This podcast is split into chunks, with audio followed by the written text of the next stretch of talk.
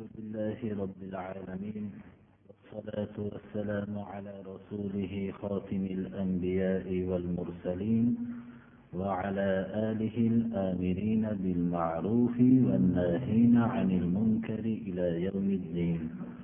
أما بعد السلام عليكم ورحمة الله. qur'oni karimdan juma kunlarida davom etayotgan darsimiz surai baqaraning ribo haqidagi ya'ni sutxo'rlik haqidagi kelgan oyatlarga shular haqida davom etayotgandi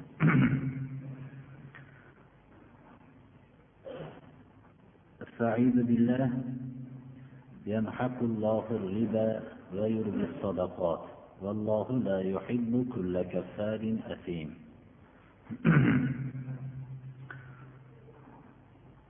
sutxo'rlik bilan shug'ullanuvchi kishi zohirda sutxo'rlik orqasida ko'p daromad qilayotganga o'xshaydi. Uning moli ko'payayotganga o'xshaydi. Sadaqot berayotgan kishilar ho zakot bersin ho mollarining ushrini bersin dehqonchilik mahsulotlarini. Ho nazrlariga vafo qilayotgan bo'lsin. Sadaqot berayotgan kishilar mollarining bir qismi kamayayotganga o'xshagan tasavvur bo'ladi. Alloh subhanahu va taolo mana bu gumonni butun bekorga chiqarib olloh sutxo'rlikni ko'zda zohirda ko'rinib turgan ko'pligini uning barakotini uning foydalarini hammasini ketkazadi. Sadaqotlarni ko'rinishda kamayib borayotgan bo'lib ko'ringan sadaqotlarni ziyoda qiladi alloh taolo. Ana sadaqotlar orqali berilayotgan mollarni hammasini ko'paytiradi. Bunday alloh subhanahu va taolo molni bergan bo'lsa molni bergandan keyin xalqlar o'rtasidagi mol muomalalarda sho'rlik asosida molini ko'paytirishlikdan qaytargan bo'lsa bu qaytargan hukmiga unamagan nonko'rlarni olloh suymaydi. Va sadaqotlarni berishlikka olloh buyurgan bo'lsa zakotni berishga buyurgan bo'lsa nazrlarga vafo qilishlikka buyurgan bo'lsa sadaqotlarim bu sadaqotlarni bersam molim ozayib qoladi degan ollohning hukmiga bo'ysunmagan jinoyatchilarni olloh suymaydi. Ana bu narsani biz hayotimizda ham ko'rib turibmiz. Qaysi bir kishi xo'rlik bilan shug'ullangan bo'lsa u hech qanday molining barakoti unda bo'lmaganligini shaxsiy ahvollarda ham ko'rganmiz va shu bilan birga xo'rlik asosida mollarini ko'paytirishlikka uringan davlatlarning ham mollarining barakoti ketganligini guvohi bo'lib turibmiz mana. Lekin ko'rinishlikda mollari ko'p bo'lgan bilan ichki dunyosiga bir nazar tashlansa u mollar ko'payishlik bilan xotirjamlik baxt saodatmandlik bular hammasidan mahrum bo'lishgandir birodarlar. Lekin bizni ko'zimizga ularning moli davlatlarini sho'rlik asosida ko'paygan mamlakatlarning ko'rinishlari bizni aldab qo'ymasligi kerak.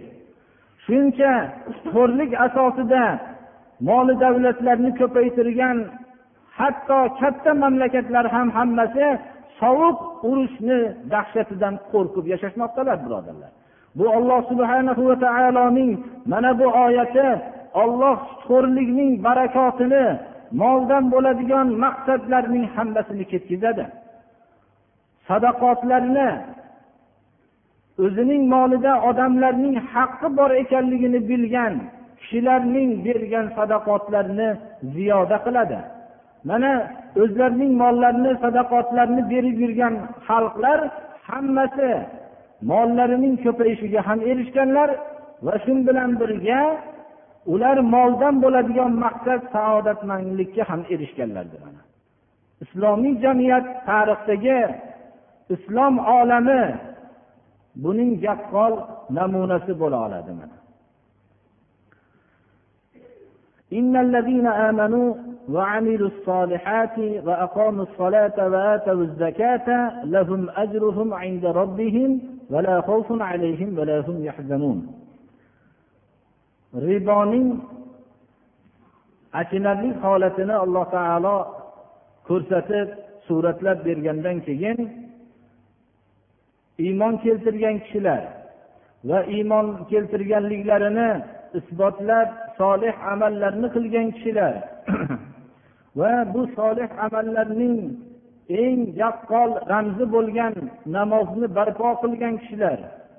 Bu o'zlarining jismoniy va ruhiy ibodatlari bo'lgan namozni barpo qilgan kishilar va o'zlarining mollaridagi haqni zakotni o'tashib moliy ibodatni ham bajargan kishilar alloh subhanahu va taolo bularga shunday yo'lni tarbiya qilgan zotning huzurida ularning mukofotlari zoye qilinmagan holatda turadi.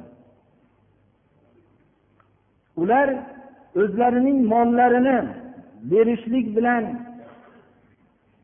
mollarini kamayib qolishligidan ularda xavf tashvish bo'lmaydi. Dunyoda ham. Va oxiratda ham hamma dahshatda qolganda bularda xavf qo'rquv bo'lmaydi. Ular dunyoda ham mollarini bergan bo'lsalar xalqlar tarafidan u mollarning berilganligiga shukur qilinolmasdan bilishmagan bo'lsalar ham dunyoda ham g'amgin bo'lishmaydilar. Oxiratda bunday farz amallarni bajarmaganlikka xalqlar g'amgin bo'lib turganda bular g'amgin bo'lishmaydilar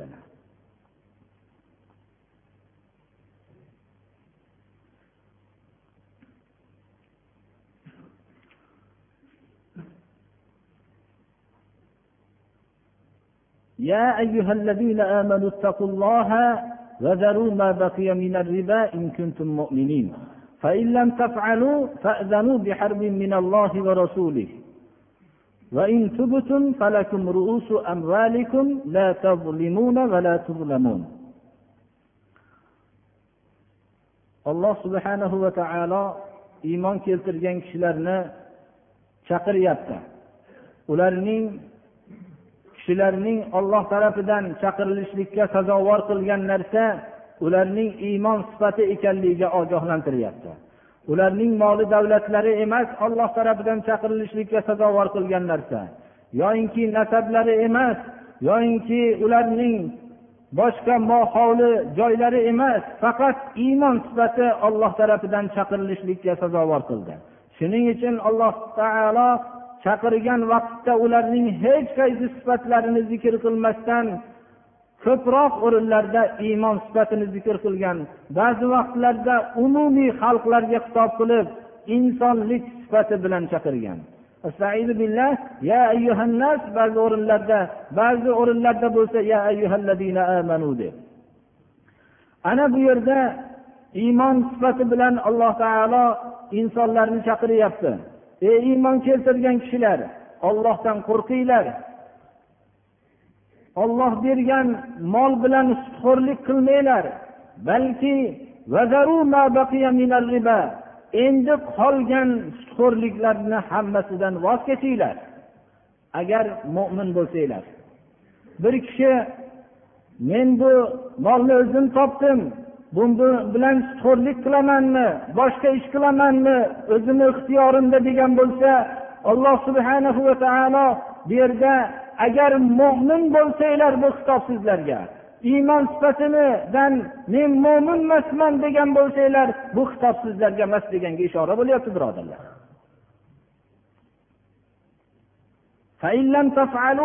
Agar ollohni buyrug'ini qilmasanglar sutxo'rlikdan voz kechmasanglar jangga hozirlaninglar. Bu jang ollohi rasuli tarafidan bo'lgan jangni e'lon qilinglar. Inson olloh rasuli tarafidan bo'lgan jangga qanday toqat qiladi? Ana shu oyatni mufassirlar hujjat qilishib islom jamiyatining peshvosiga agar xalqlar suxurlik bilan o'zlarining iqtisodiy ijtimoiy aloqalarini tiklashib shundan voz kechishmasalar ana shunday sutxo'rlik bilan shug'ullanayotgan xalqlarga jang e'lon qilishlikka lozim bo'ladi deb shu oyatdan hujjat qilishgan ekanlar. Rasululloh sollallohu alayhi vasallam shu oyat nozil bo'lgandan keyin makkadagi omillariga buyruq qilgan ekanlarki makkada mug'ira ismli kishi ribo bilan muomala qilar ekanlar. Shu kishining oilalariga jang qilishlikka buyurgan ekanlar. Agar riboviy shu sutxo'rlik aloqasidan voz kechmaydigan bo'lsa degan ekanlar.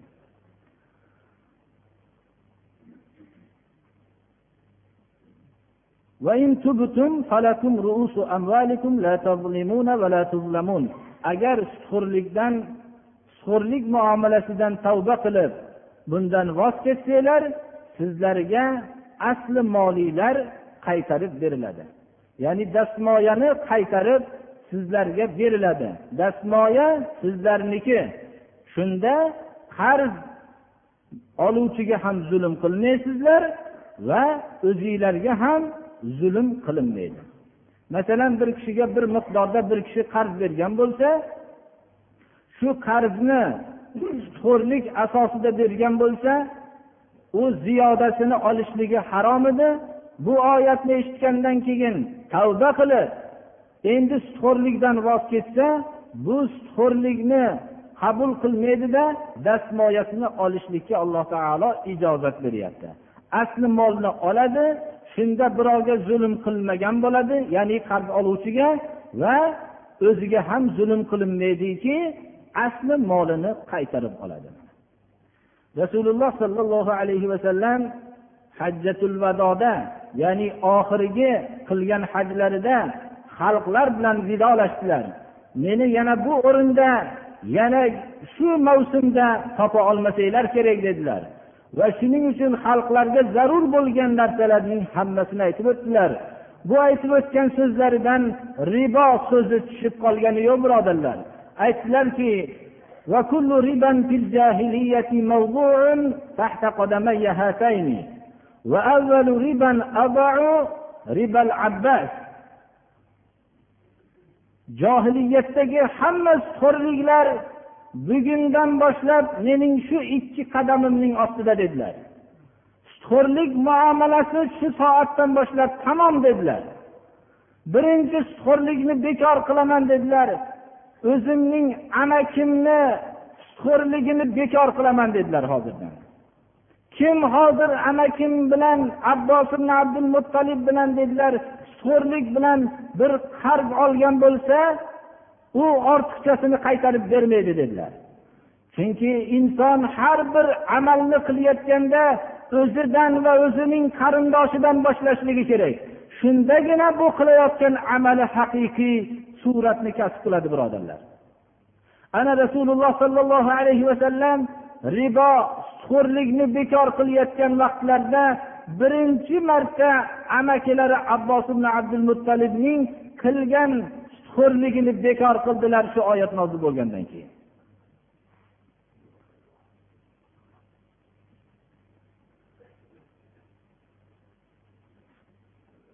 Alloh rasuli tarafidan bo'lgan jangni e'lon qilinglar degan oyat biz jang deganda faqat qurol aslahalar bilan bo'lgan jangnigina tushunib qolmasligimiz kerak. Sutxo'rlik bilan sutxo'rlik asosida iqtisodiy va ijtimoiy asosi shu savdolarini iqtisodiy va ijtimoiy nizomlarini barpo qilgan mamlakatlarga bir nazar tashlansa ularning hammalariga ollohi rasuli tarafidan bo'lgan jangning guvohi bo'ladi. Inson diqqat bilan qaraydigan bo'lsa jang deganda hozir bir ko'rilsa shunchalik moddiy qulayliklar bo'lishligiga qaramasdan asablarga jang e'lon qilingan birodarlar. Qalblarga jang e'lon qilingan barakotga jang e'lon qilingan va saodatmandlikka xotirjamlikka jang e'lon qilingan. Islomning ozgina nuri bo'lgan vaqtlarda insonlar moddiy qulayliklari hozirgi vaqtdagidaqa bo'lmasa ham osoyishta yashashardilar. Buni qariyalar hammasi buni hozirdan ham tillaridan tushirishmaydilar. Ozgina mollari bo'lganda ham osoyishta edi. Ularning asablari buncha buzilmagan edi. Ulardagi barakotlar buncha ko'tarilmagan edi. Lekin moddiy qulayliklar har qancha bo'lsa ham islom nizomi yo'qolganligi islom nuri yorug'ligi yo'qolganligi sababli odamlarning asablaridan ham huzur halovat ketgan xotirjamliklari ham yo'qolgan saodatmandliklari ham yo'qolgan barakotlari ham ko'tarilgan birodarlar. Buni hech qanday inkor qilib bo'lmaydigan ochiq bir haqiqatdir ana.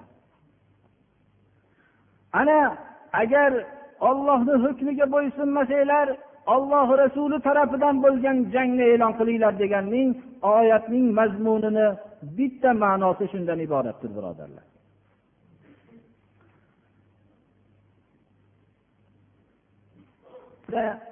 Sutxo'rlik bayonini qilingan bilan shu masalani ham aytib o'tishimiz kerak. Molni ko'payishligi sutxo'rlik asosida bo'lishligi kerak emas. Molning ko'payishligini o'ziga xos bir pokiza vositalari bor. Shu vositalardan bittasi mana shaxsiy har bir kishi o'zini mehnat qilib topishligi kasb bilan topishligi savdo bilan topishligi va shu bilan birga ko'pchiliklarning qalbida shubha bo'lgan bo'lishi mumkin. Islomda muboraba shariklik asosida bay qilishlik shariklik asosidagi bay qilishlikning ma'nosi shuki bir kishidan moli davlat bo'lsa ikkinchi bir kishi shunga qobiliyatli mehnat qila oladigan qobiliyati bo'lsayu unda mol bo'lmasa shu molini unga berib tursa foyda va zararda sharik bo'lishlik sharti bilan u topgan foydani barobar bo'lishlari mumkin bo'ladi shariatda. Buni shariati islomiyada muboraba deyiladi shariklik savdosi deyiladi.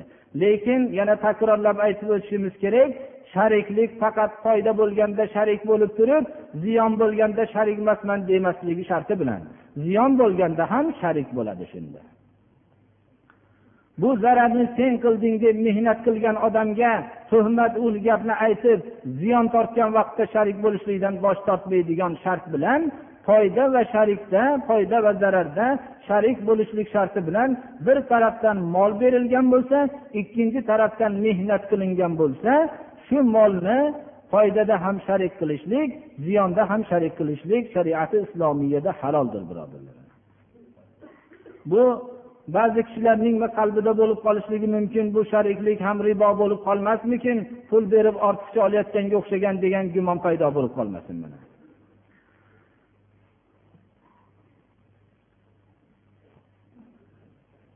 Sutxo'rlik bu qarzga aloqamand bo'lgan amaldan nohaq ish qilishlik natijasida chiqqanligi uchun qarzga taalluqli bo'lgan masalalarni mukammallashtirib keyingi oyatlar shuni bayon qiladi استعيذ بالله وإن كان ذو عسرة فنظرة إلى ميسرة وأن تصدقوا خير لكم إن كنتم تعلمون agar qarz oluvchi shaxs kambag'al bo'lsa qiynalib qolgan bo'lsa muddatda qarzni berolmaydigan bo'lib qolsa kambag'al bo'lib shu beriladigan miqdordagi moddiy boylikni qaytarib berishlikka qodir bo'lmay qolsa qodir bo'ladigan holatga va davlatman bo'ladigan holatigacha kutib turishlik yaxshidir. Bu muddatda berolmasa unga qo'shimcha foydani berasan deb shart qilishlik islomda mumkin emas. Balki mo'min kishi o'zining birodarini qiynalgan holatini ko'rsa muayyan muhlatda qarzini berolmaganligini ko'rsa unga lozimki davlatmand bo'lib shunga qodir bo'lgan muhlatda berasiz deb kutib turishlik lozimdir. Mabodo qiynalgan bo'lsa uni kechib yuborishinglar yaxshidir buni yaxshiligi ko'proq sizlarga yaxshilik. Lakum kalimasining jam kelishligi hammanglarga yaxshilik. Qarzni berib turgan kishi uchun dunyoda ham shunday uning haqqiga yaxshi gumonlar bo'lishligi bilan yaxshilikdir. Va oxiratda ham uni kechganligi uchun beriladigan mukofot ham yaxshidir. Qabul qiluvchi qarzdor buning ehtiyoji butib qiynalgan vaqtida bu uchun kechirilishlik ham albatta yaxshiligi ma'lumdir buni. Inson o'zi bergan narsani kechishligi oson emas. Uni bilishlik yaxshiligini bilishlik hammaga ham muyassar bo'lavermaydi. Shuning uchun alloh taolo buni bilsanglar u sizlar uchun bu yaxshilik edi mana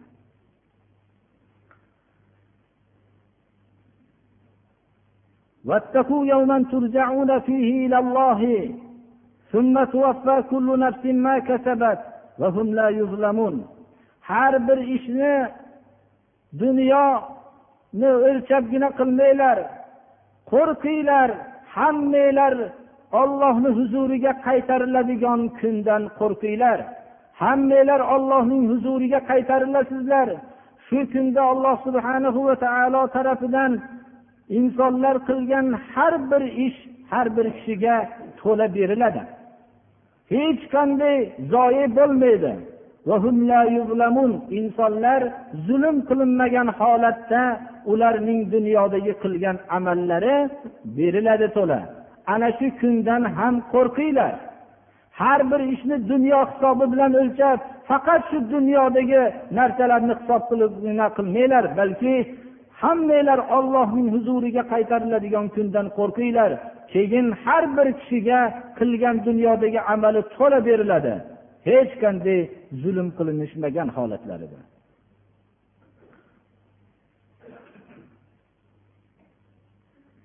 واتقوا يوما ترجعون فيه إلى الله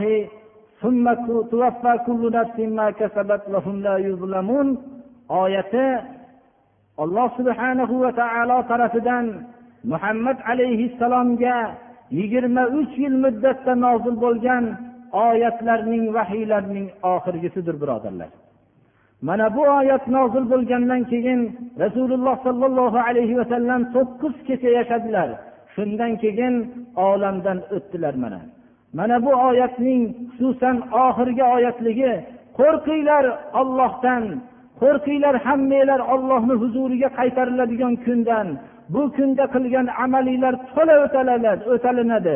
Hech qanday kishiga zulm qilinmagan holatda degan oyat bilan qur'oni karimning tamom bo'lishligi ham nihoyatda bir ajib bir hikmatdir ana.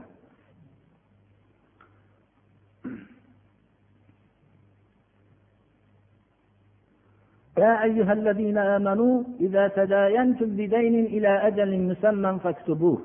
وليكتب بينكم كاتب بالعدل.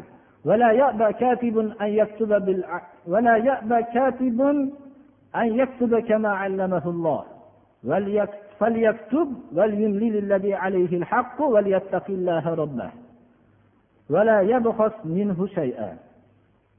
فإن كان الذي عليه الحق سفيها أو ضعيفا أو لا يستطيع أن يمل هو فليملل وليه بالعدل. واستشهدوا شهيدين من رجالكم فإن لم يكونا رجلين فرجل وامرأتان.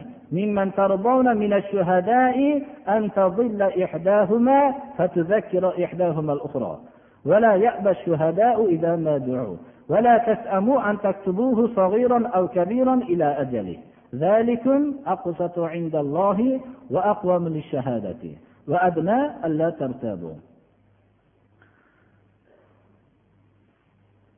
qur'oni karimdagi eng uzun oyat mana shu hozirgi o'qilgan oyat hisoblanadi.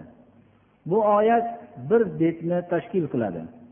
Oyat qarz oyati hisoblanadi. Alloh subhanahu va taolo iymon keltirgan kishilarni chaqirib ey iymon keltirgan kishilar agar muayyan bir muhlatga o'rtada qarz bilan muomala qilsanglar buni yozinglar deb buyuryapti. Qarz muomalasi musulmon jamiyatida bo'lsa buni yozishlikni olloh buyuryapti birodarlar. Ixtiyoriy amal emas bu. Buni albatta yozib qo'yishlik kerak. Lekin yozish kimga topshirilayotganligini ham bayon qilyapti. Yozuvchi shu qarzni yozib qo'yayotgan kishi qarzni beruvchi kishi ham bo'lmasin qarzni oluvchi kishi ham bo'lmasin. Sizlarning o'rtanglarda bir kotib adolat bilan yozsin deb buyuryapti. Chunki qarzni beruvchi va qarzni oluvchi ikkovi ham o'zining foydasiga yozib qo'yishligi mumkin. Yoyinki bo'lmasa o'zini foydasiga yozmasa ham bir birlariga gumon paydo bo'lib qolishligi mumkin. Alloh subhana va taolo uchinchi bir kishini o'rtada adolat bilan yozishlikka buyuryapti. Shunda bir kishini qarz beruvchi va qarz oluvchi yozishlik uchun taklif qilishgan vaqtida yozgan yozuvchi kotib bosh tortmasin yozishlikdan. Olloh ta'lim bergandek qilib yozishlikdan. Olloh unga yozishlikni ta'lim berganligini shukronasiga bosh tortmasdan yozib bersin shuni. Olloh ta'lim bergandek degan kalima nihoyatda bir diqqatga sazovorki birodarlar biz bir oq varaqqa bir narsalarni yozsak ikkinchi bir kishiga shuni jo'natsak u narsani qabul qilib bu narsadan bir ma'noni anglab ikkinchi bir kishi ham unga yarasha javob qilishligi bir mo'jiza birodarlar. Bizlarning muomalalarimizdagi bu xat yozishlik nihoyatda bir ollohning katta ne'matidir. Olloh buni bizga ta'lim bermasa biz buni bilmagan bo'lardik bu xatni. Olloh ta'lim bergandek bu ne'matini shukronasiga biror qarzdor va qarz oluvchilar yozishga taklif bergan vaqtida bosh tortmasin. Demak bir kishini chaqirilganda buni alloh subhanahu va taolo u kishining yelkasiga yozishlikni vazifa deb buyuryapti. Va shu bilan birga kim tomonidan aytilishligini ham bayon qilyapti. Yozdirishlikni kim bajarishligini ham bayon qilyapti. Haq ustida bo'lgan shaxs yozdirsin. Ya'ni qarz oluvchi shaxs shuni yozdirsin. Chunki qarz beruvchi kishi o'zi qarz berayotgan vaqtda o'zini dadil tutadi. Qarz oluvchi kishi bir qisman o'zi bir kishidan qarz olayotganligi uchun qalbida bir siniq bir holat paydo bo'ladi. Shuning uchun jur'at sababli biror bir so'zni xato yo adolatsiz qilib o'zining foydasiga yozdirib qo'ymasin deb qarz oluvchi kishiga alloh subhana va taolo yozdirishlikni taklif qilyapti. Lekin shu bilan birga biror bir so'zda g'alat yozdirishlikdan ollohdan ya'ni tarbiyat kunandasidan qo'rqsin u yozdiriladigan haqdan biror narsani kamaytirib yozdirib qo'ymasin فإن كان الذي عليه الحق سفيها أو ضعيفا أو لا يستطيع أن يمل هو فليملل وليه بالعدل qarz olinayotganda shunday suratlar bo'lishligi mumkinki biror bir kishiga qarz olinayotgan bo'lishligi ham mumkin. U qarz olayotgan kishi safih ya'ni aqli noqis bo'lishligi mumkin. Ho aqlidagi nuqson sababli yoyinki yosh bola bo'lganligi sababli yo yoshi ulg'ayib ko'p narsalar esdan chiqib qoladigan bo'lganligi sababli aqlida nuqson bo'lishligi mumkin.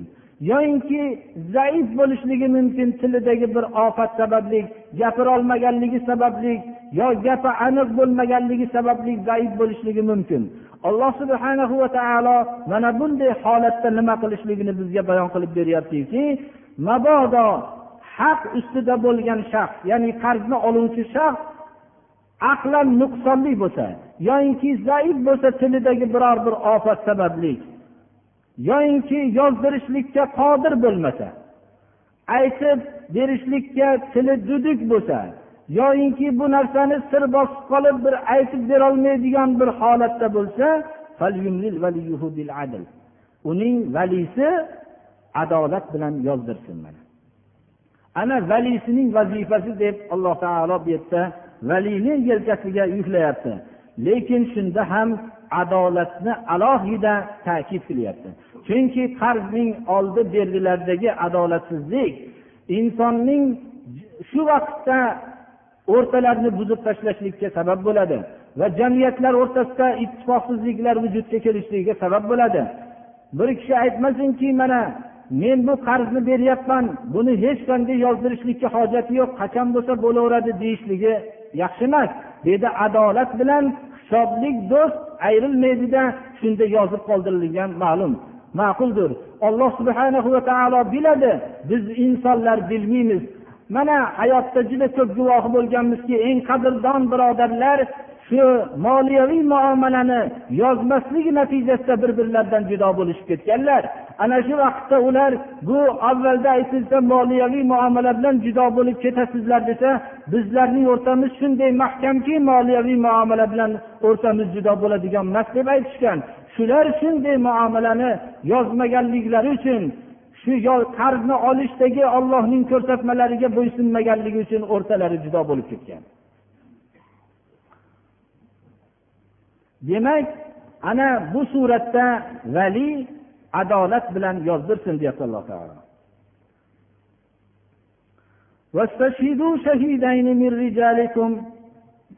O'zinglarning kishilaridan ikkita guvohni guvoh qilinglar. Ikkita guvohni guvoh qilishlik o'zinglarning kishilaridan deyilganligi musulmon bo'lishligi sharti bilan.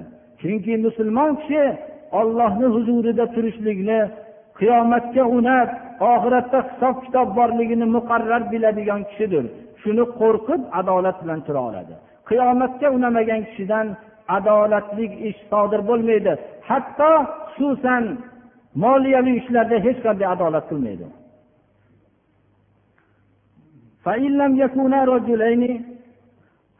Guvoh qilinishlikda ikkita bir er kishilardan guvoh topilishlik imkoniyati bo'lmasa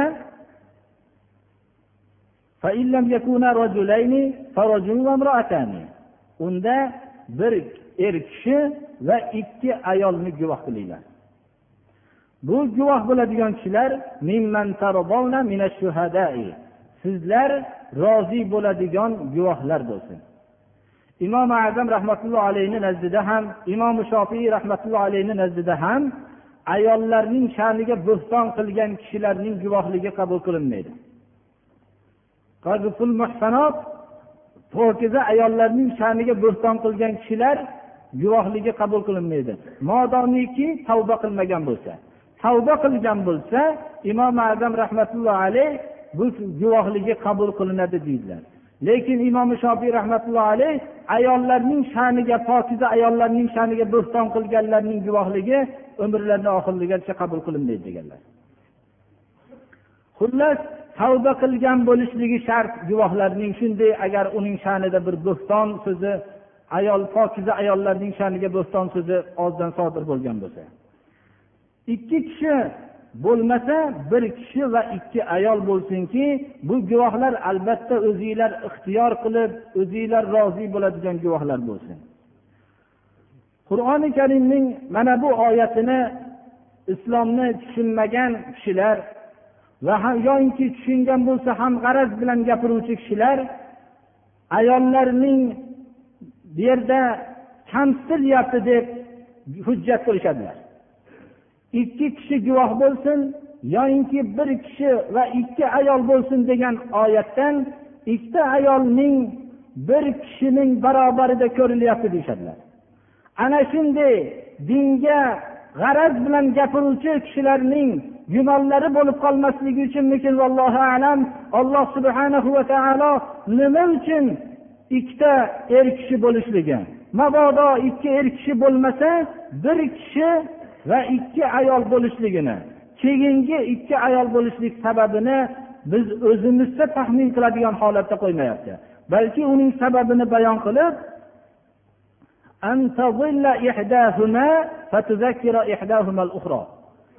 ikkov ayolning bittasi esdan chiqarib qo'ygan bo'lsa shahodat guvohligini boshqasi ogohlantiradi.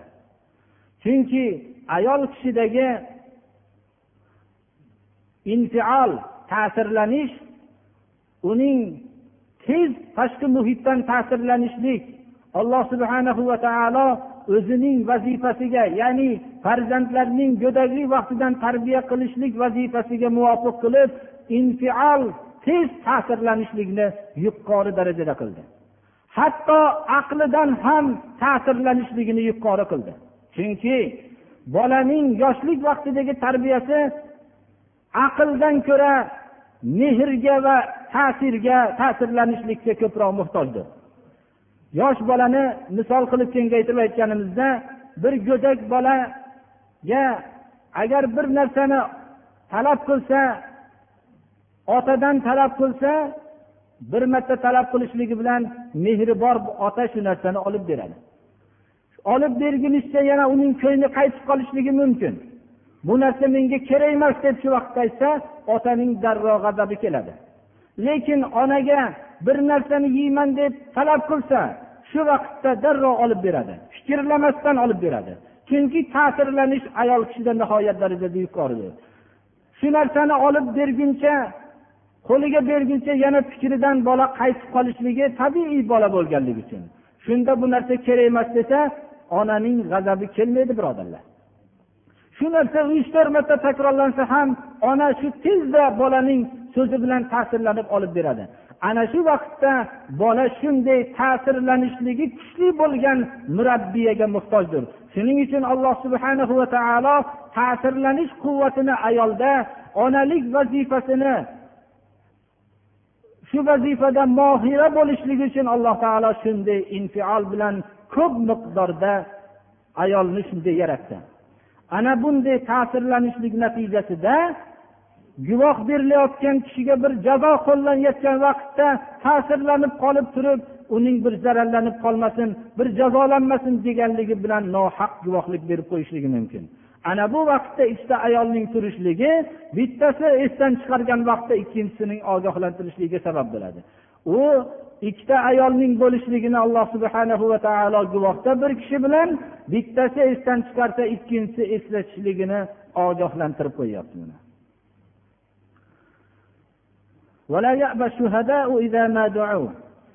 guvohlar chaqirilingan vaqtda bosh tortmasin. Guvohlar chaqirilgan vaqtda bosh tortmasin. Hozirgi vaqtda biror bir ish sodir bo'lsa hozirgi vaqtda guvohlikka chaqirilsa biror kishi labbay deb borarmikin? Nima uchun bormaydi? Nima uchun guvohlikdan hamma qochadi? Chunki odamlar guvoh bo'lib juda ko'p zarar tortishadilar. Guvoh bo'lishliklari natijasida balki jinoyatchi sensan deb ularning ustida bo'xtonlar bo'ladi. Islom nizomidachi islom nizomida qur'oni karimda guvohlarning chaqirilingan vaqtda bosh tortmaslikka alloh taolo buyuryapti. Chunki guvohlarga hech qanday zarar yetkazilmaydi. Jinoyatchilar qolib ketib guvohlar bo'lib qolishligidan qo'rqib hozirgi vaqtda guvohlar biror bir narsaga chaqirilsa bosh tortishadilar. Bu nizomning xalqlarning ustidagi adolat bilan yurmayotganligini belgisi birodarlar. Islom nizomida guvohlar qo'rqmaydida o'zlarining bir malolat sababi bilan chaqirilgan vaqtda bosh tortib qolishlari mumkin. Shunga alloh taolo ogohlantiryaptiki guvohlar chaqirilingan vaqtda bosh tortishmasin.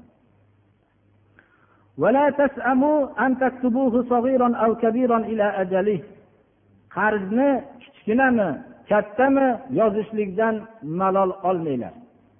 Ozgina narsada demanglar.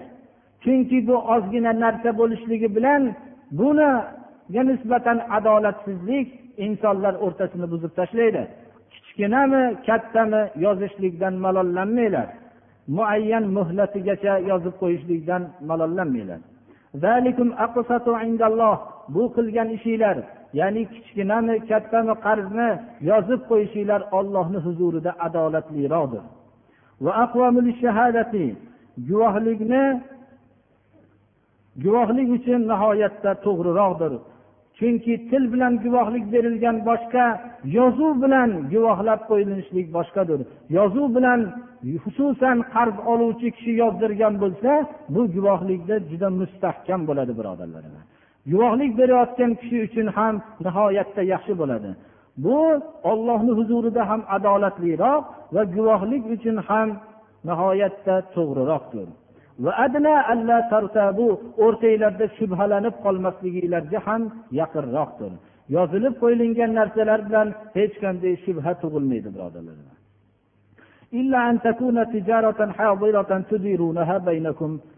lekin yozishlik hojati yo'q yozishlik zarur emas. O'rtanglarda idora qilayotgan naqd savdo bo'lgan suratda.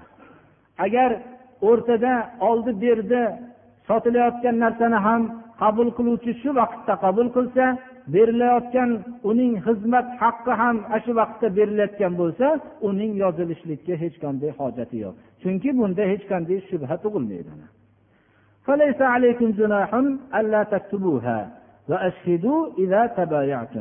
bu suratda sizlarga gunoh yo'q yozmasanglar. Savdo naqd berilgan suratda hech qanday yozmasanglar sizlarga gunoh yo'qdir. Ammo savdo aloqasi qilsanglar oldi sotdi qilgan suratinglarda guvoh hozir qilinglar ammo. Guvoh bo'lishligi nihoyatda o'rtalarida shubha tug'ilmasligiga bu nihoyatda zarurdir. Bu yerda insonning qalbida bir shubha tug'iladiki yozib berishlikni talab qilsa bosh tortishmaslik kerak ekan. Guvoh talab qilinsa guvohlikka borishlik zarur ekan. Endi zararlanib qolinsa shunda zararlanishlik tarafini ham himoya qilinmagan ekanda degan gumon paydo bo'lib qolishligi mumkin.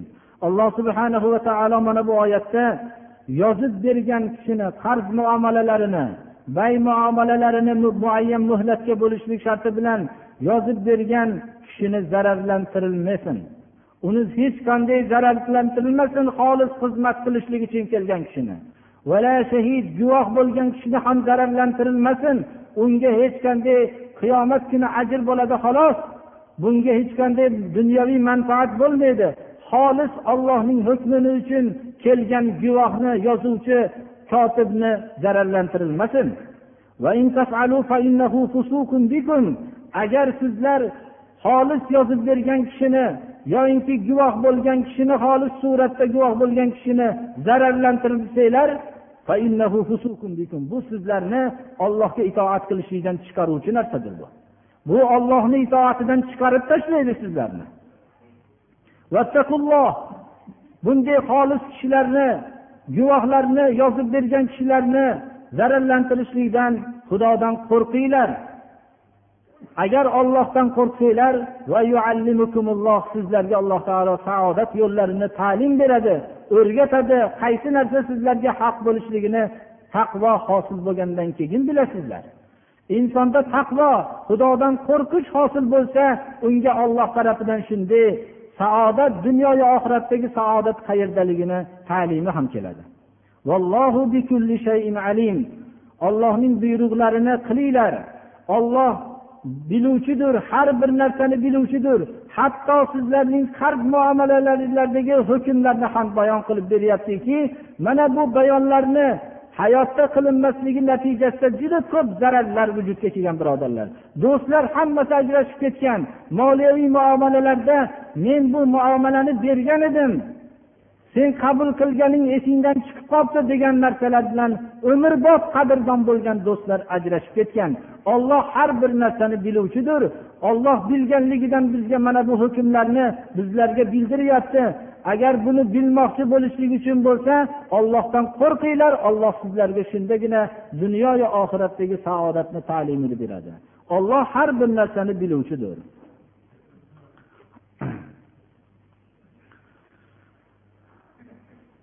Mana bizning hayotimizdagi bo'layotgan moddiy bir muomalalardagi ollohning bizga bergan bayonlari birodarlar. Mana bu bayonlarga nihoyat darajada ko'p bizlarning o'rtalarimizda beparvolik bor. Bu beparvolikning natijasida juda ko'p zararlarni xalqlar doim ko'rib kelgan va hozirda ham ko'ryapti. Buni buyog'ida ham agar ollohning hukmiga bo'ysunmasa zarardan boshqa narsa bo'lmaydi birodarlar. Mana o'zi qarz muomalalarda yozib qo'yinglar degan buyruqni qanchalik hikmatliligi kim yozishligi kerakligini va yozishlik kim tarafidan aytib berilishligini hammasi guvohlar qanday suratda bo'lishligini hammasini bayonini qisman o'rgangan bo'ldik mana. Alloh subhanahu va taolo allohning ko'rsatmalariga amal qilishlikka hammamizga parvardigori tavfiq bersin.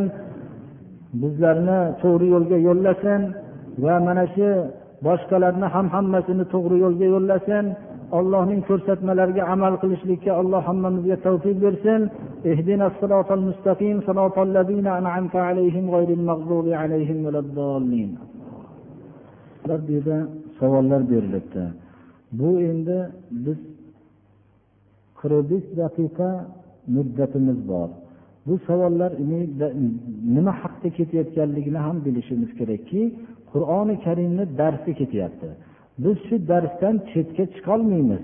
Shunga bog'liq bo'lgan o'rinlarda aytib o'tyapmiz. Ba'zi xususiy savollar bo'ladigan bo'lsa biz shuni o'zlari bemalol oldimizga kirib so'rashliklarini taklif qilamiz.